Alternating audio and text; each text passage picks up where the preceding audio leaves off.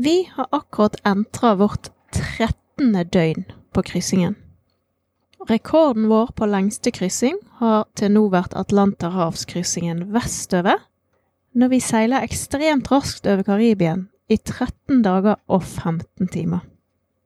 Selv om denne strekningen er litt kortere, så kommer vi til å være her ute på i alle fall i fire dager til. Det vil si hele 16 dager på åpen hav. Det har til nå gått veldig mye bedre enn forventa. Hallo. Hallo. Å ja, er du her? Ja. ja, vi sitter her to stykk, øde ute på et hav. Og i dag så føles det litt ekstra øde, faktisk. Ja. Ironisk nok så har jeg sjekket uh, disse her uh, arken, så vi er mindre alene nå enn på lenge. Vi har flere båter rundt oss. For arken har tatt oss igjen. Ja, de største båtene og raskeste båtene på arken er i området rundt oss. De er fremdeles sånn 100-200 nautiske mil unna, men uh... Men grunnen til at jeg sier at det er så øde, er fordi at det er så utrolig flott. ja.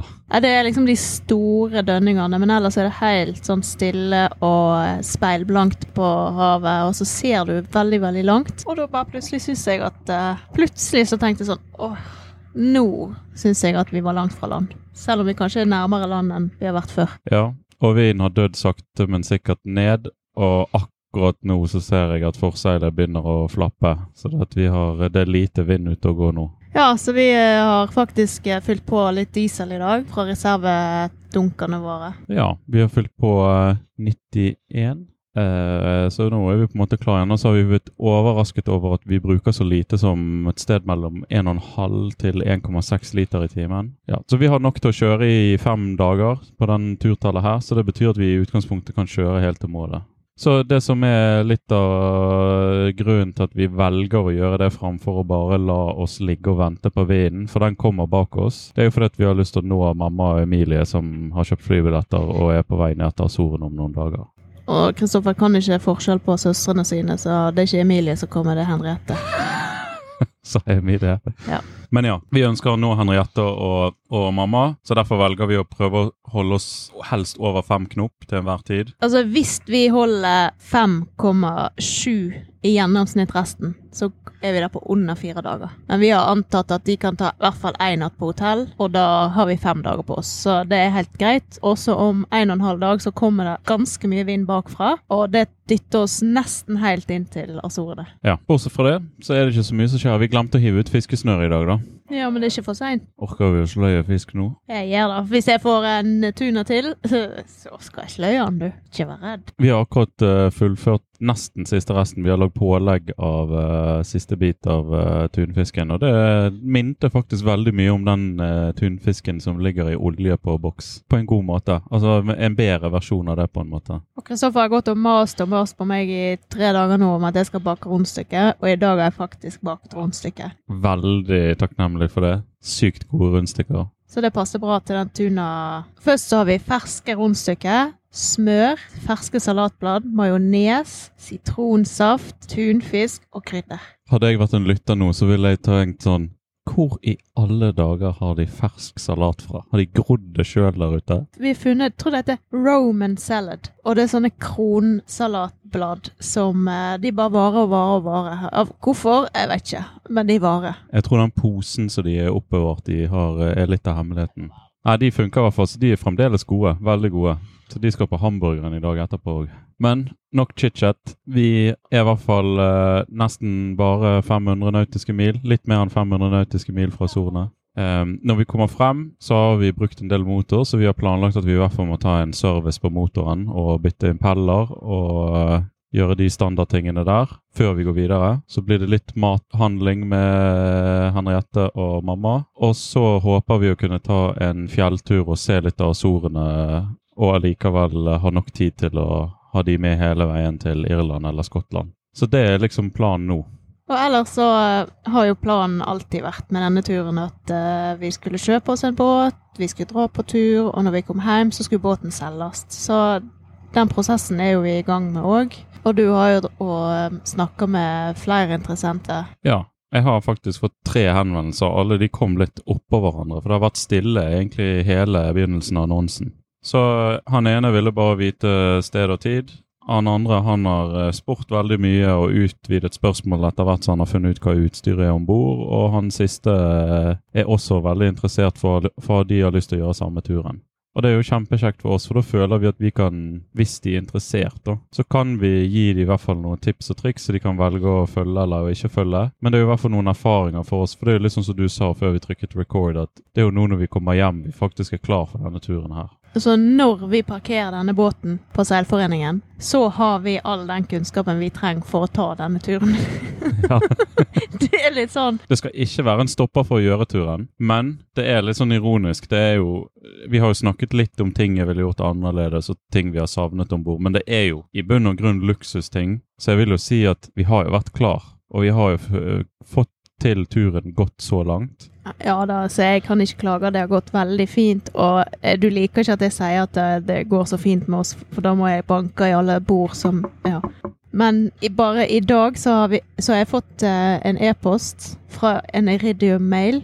Det vil si det er en båt ute på havet her som bare har satellitt, som har sendt en e-post til meg. Litt sånn i Ja, hva skal man kalle det? I nød. E-posten eh, hadde tittel 'Haster'.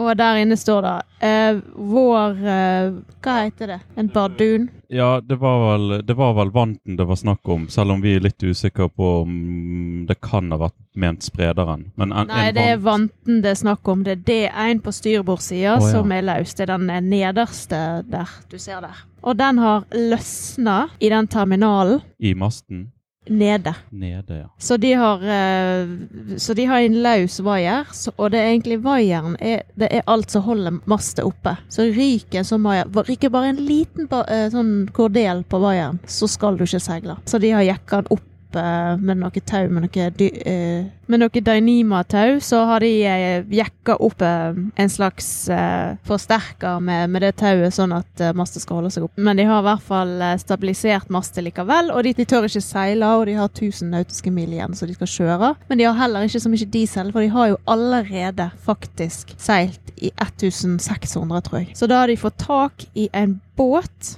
på VHF, litt lengre bak seg, som hadde 240 liter diesel om bord i sin båt. ja. Og de var villige til å selge de litt uh, diesel for at de skulle få tukka inn til land.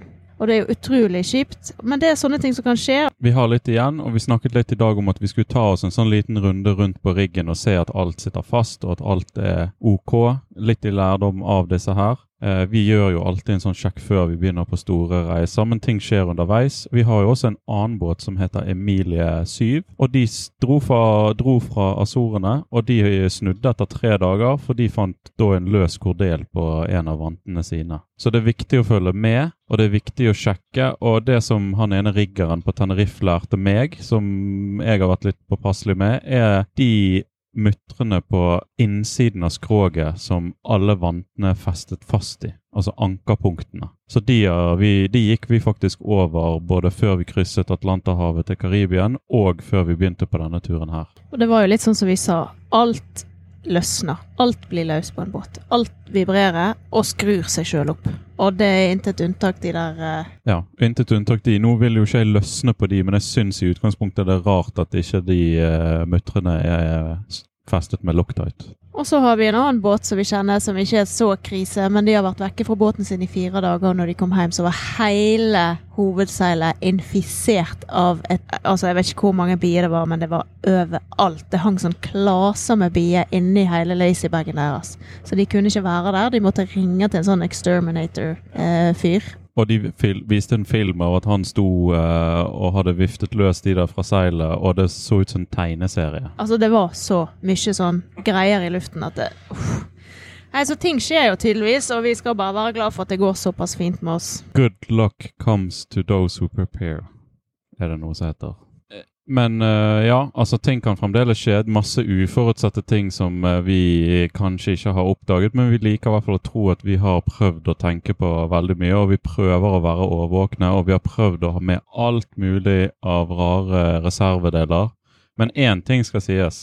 For lenge siden, når vi var på vei andre veien, så var jeg foran på baugen, og så hørte jeg et klunk. Og så snur jeg meg, og da to meter bak meg så ligger det en kjempestor skrue på ankerlokket. Og jeg løper fram og henter han før han ruller i sjøen. Og vi vet fremdeles ikke til den dag i dag hvor den skruen kom fra. Og vi har vært oppe i masten flere ganger og letet. Jeg leter etter den, hvor den kunne ha kommet fra, hver gang jeg er der oppe. Det må komme fra et fly. Jeg kan bare ikke skjønne som, eh, hvor det kommer fra. Det vil jo være helt sykt i så fall. Han landet jo sånn Hva film er det? Det er en film der det detter en mynt ned, og så spretter han ikke. Han bare sånn dum. Jo, det er ringen i Ringenes herre. Han landet som ringen i Ringenes herre.